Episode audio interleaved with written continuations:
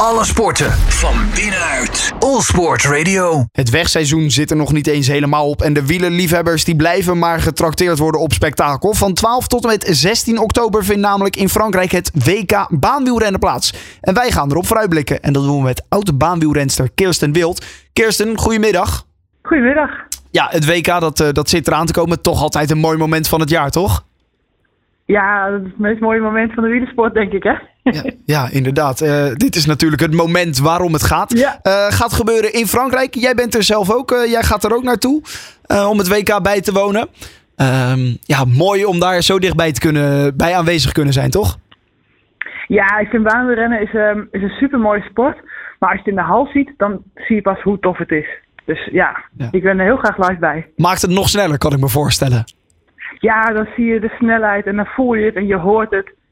Ja, dat is echt best wel eh, indrukwekkend. Ja, ja, kan ik me voorstellen. Het is natuurlijk een WK, betekent dat, eh, dat nou ja, we, we hebben landendisciplines, maar natuurlijk ook eh, nou ja, individuele disciplines, teamvormen. We hebben mannen en vrouwen, allebei elf disciplines. Best een vol Ja. programma dus. Ehm, wa- wa- wat kunnen we verwachten van, van dit WK?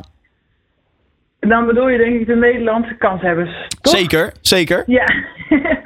Ehm, nou, ik denk dat je wel veel spektakel kan verwachten. Ik denk, ehm, nou ja, de Nederlandse teamsprint mannen. Nou ja, dat is bijna, ehm, ja, dat hoef je niet eens meer te zeggen, denk ik. Die gaan voor goud. Ja. Maar ja. ik denk ook dat de meiden een hele goede kans hebben. En ik weet niet zeker of ze voor, voor die gouden plak gaan, maar ze gaan echt zeker meedoen voor de medailles. ja, weet nog even de vraag welke kleur. Dus dat is, ik denk dat het begin een hele mooie dag gaat worden. Precies. Want die, die, ja, die, die moeten nog ietsjes beter op elkaar inspelen. Is dat het bij, bij de vrouwen? Nee, nee, dat is, een, dat is wel leuk. Dat is een ploeg die er al heel lang eh, mee, mee werkt. Met de ploeg, eh, met de teamsprint. Ehm, en sinds het onderdeel echt met z'n drieën is, ja, kunnen zij meedoen. Zeg maar. Ze waren natuurlijk al, ze waren al heel lang met z'n drieën aan het trainen. Ja. Maar het is nu, het, ja, het format is een beetje veranderd voor de vrouwen. En eigenlijk doen ze gewoon goed mee hoor. Het is een, eh, Dus daar kunnen we dan ook eh, kunnen we in ieder Ja. geval een medaille verwachten. In ieder geval, dat is wat we hopen. Eh, verder hebben we natuurlijk de individuele eh, nou ja, mannen. Als we daar dan eerst eventjes naar kijken. Harry Lafrijzen, Jeffrey Hoogland zijn natuurlijk wel de twee grote namen in het baanwielrennen. Hè? Ja, en een grootste tegenstander, Niklas Pol, die is, ehm, ja, die is geblesseerd uitgevallen. Dus ehm, ja, ik had, ik had die strijd wel willen zien. Dat had wel leuk geleken. Jongen heeft Harry al een keer verslagen afgelopen jaar.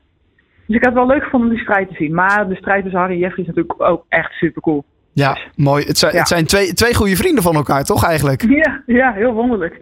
Beste vrienden en eh, grootste concurrent.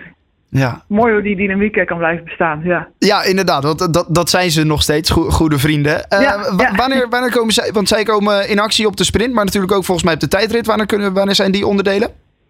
Ook moet heel erg dat ik niet precies weet. Ehm, ik weet dat ze de, eh, de teamsprint is op woensdag, de eerste ronde. Oké.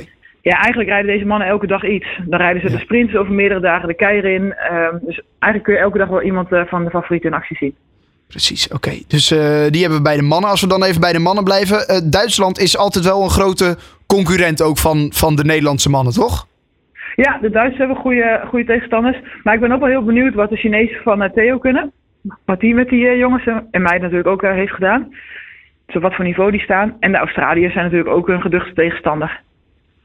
Vol programma voor, die, eh, voor de wielrenners. Eh, hoe, hoe is dat vol te houden? Ja, het is een kwestie van heel veel trainen. Ik reed zelf vaak wel eh, vier, vijf onderdelen in zo'n toernooi. Ja, daar stel je natuurlijk van tevoren al op in. Je, je weet dat je dat gaat doen. Dus dat zijn ook dingen die simuleer je al in de trainingen. En ja, dat is dus ook waarom je zoveel moet trainen. Om dat, om dat toch aan te kunnen. Precies. Alle dagen op het hoogste niveau. ja, om te zorgen dat alles zo snel mogelijk herstelt om er de volgende dag Ja. gewoon weer te staan. En dat is niet alleen fysiek, dat is ook mentaal. Want je kunt ook een tegenslag hebben. Ja, dan moet je de volgende dag er ook weer staan. Of juist een meevaller. En dan moet je de volgende dag er ook weer staan. Ja, Dus dat is, een, eh, ja, dat is wel een leuk proces om te volgen.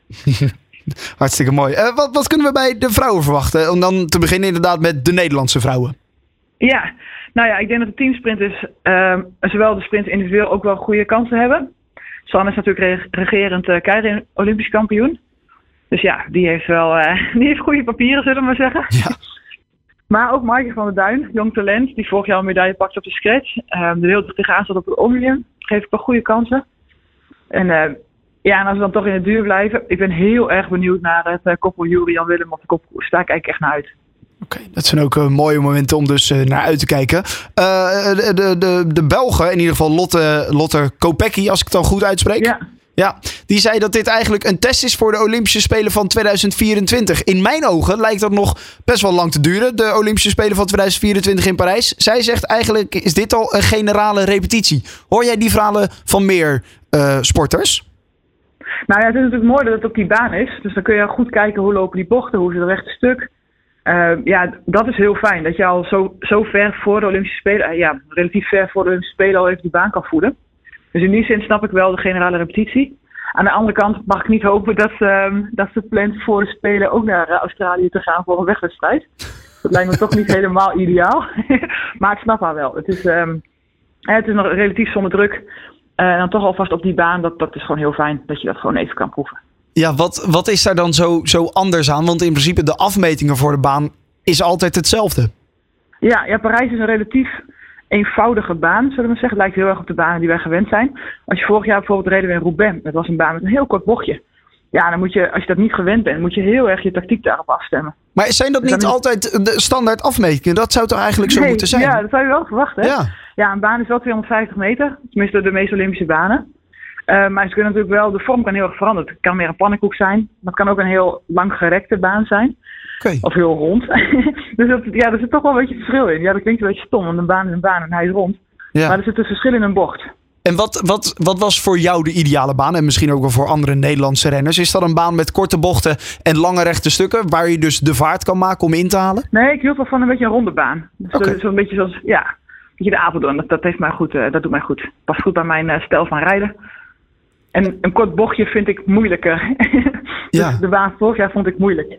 Maar dat is... Uh... Maar dat is denk ik ook wel deels waar je gewend bent. Dus daarom is het ook zo fijn om al een keer zo'n baan te voelen. Dat je ook een beetje weet waar je naartoe moet werken. En dat, dat, ja, dat is gewoon heel prettig. Ja, want uh, is, ik zei dat net, maar misschien heb ik er helemaal geen verstand van. Is, is, een, is een baan met een lang rechtstuk handig voor het inhalen? Um, ja, nou ja, ja, eigenlijk wel. Als je dan op het rechtstuk inhaalt, komt er in de bocht waarschijnlijk niemand meer langs. Maar als je niet hebt ingehaald, kom je er in de bocht dus ook niet meer langs. Ja. ja. Dus ja, dat, dus ja. ja. Het, het, heeft aanvallende voordelen, maar ook verdedigende voordelen. Ja, je moet gewoon je tactiek erop aanpassen. Dat je weet van, oké, ik zit op kop, dus nu ben ik verdedigend. Um, maar goed, ja, nee, ja, het, ja, er is niet echt een, dat je zegt, je moet zo rijden op zo'n baan. Maar je moet er wel gewoon echt rekening mee houden. Oké. Ik weet dat er in, in Duitsland, uh, daar, daar was de baan ineens 200 meter volgens mij. Ja, klopt. Dat, dat was ineens ja, heel dat gek. Is uitzonderlijk hoor. Ja, ja. Dat, dat, dat, is nu wel, uh, nu is die wel gewoon 250 meter. Ja, de Olympische baan is eigenlijk altijd 250 meter. We hebben ook wel eens een EK gereden op een buitenbaan van 400 meter. Dat is ook heel raar, of 333 meter. Ja. Maar in principe is een wielerbaan 250 meter. Oké, dus dat, uh, dat is in principe gewoon goed geregeld in Parijs. Uh, nou ja, de baan die dus, uh, of in ieder geval in Frankrijk, de baan die dus ook zal gebruikt worden tijdens de Olympische Spelen. in dat opzicht, ja, deels een generale repetitie. Ja, zeker. Oké. Okay. Wel leuk. We hebben als keer eerder een WK gereden hè, in Parijs in 2015. En wat, wat was, dat een goed WK voor, was dat een goed WK voor de Nederlanders? Nou, voor mij wel. ik won mijn eerste titel, maar... Ah, kijk! Nou. dat, is wel, dat is wel leuk. Dus ik ga met goede herinnering naar Parijs. Kijk. Maar het is, uh, ja, we, we, kennen de baan dus al een beetje. Er zijn ook wel eens wereldbekers gereden, dus het is niet helemaal een nieuwe, een nieuwe baan.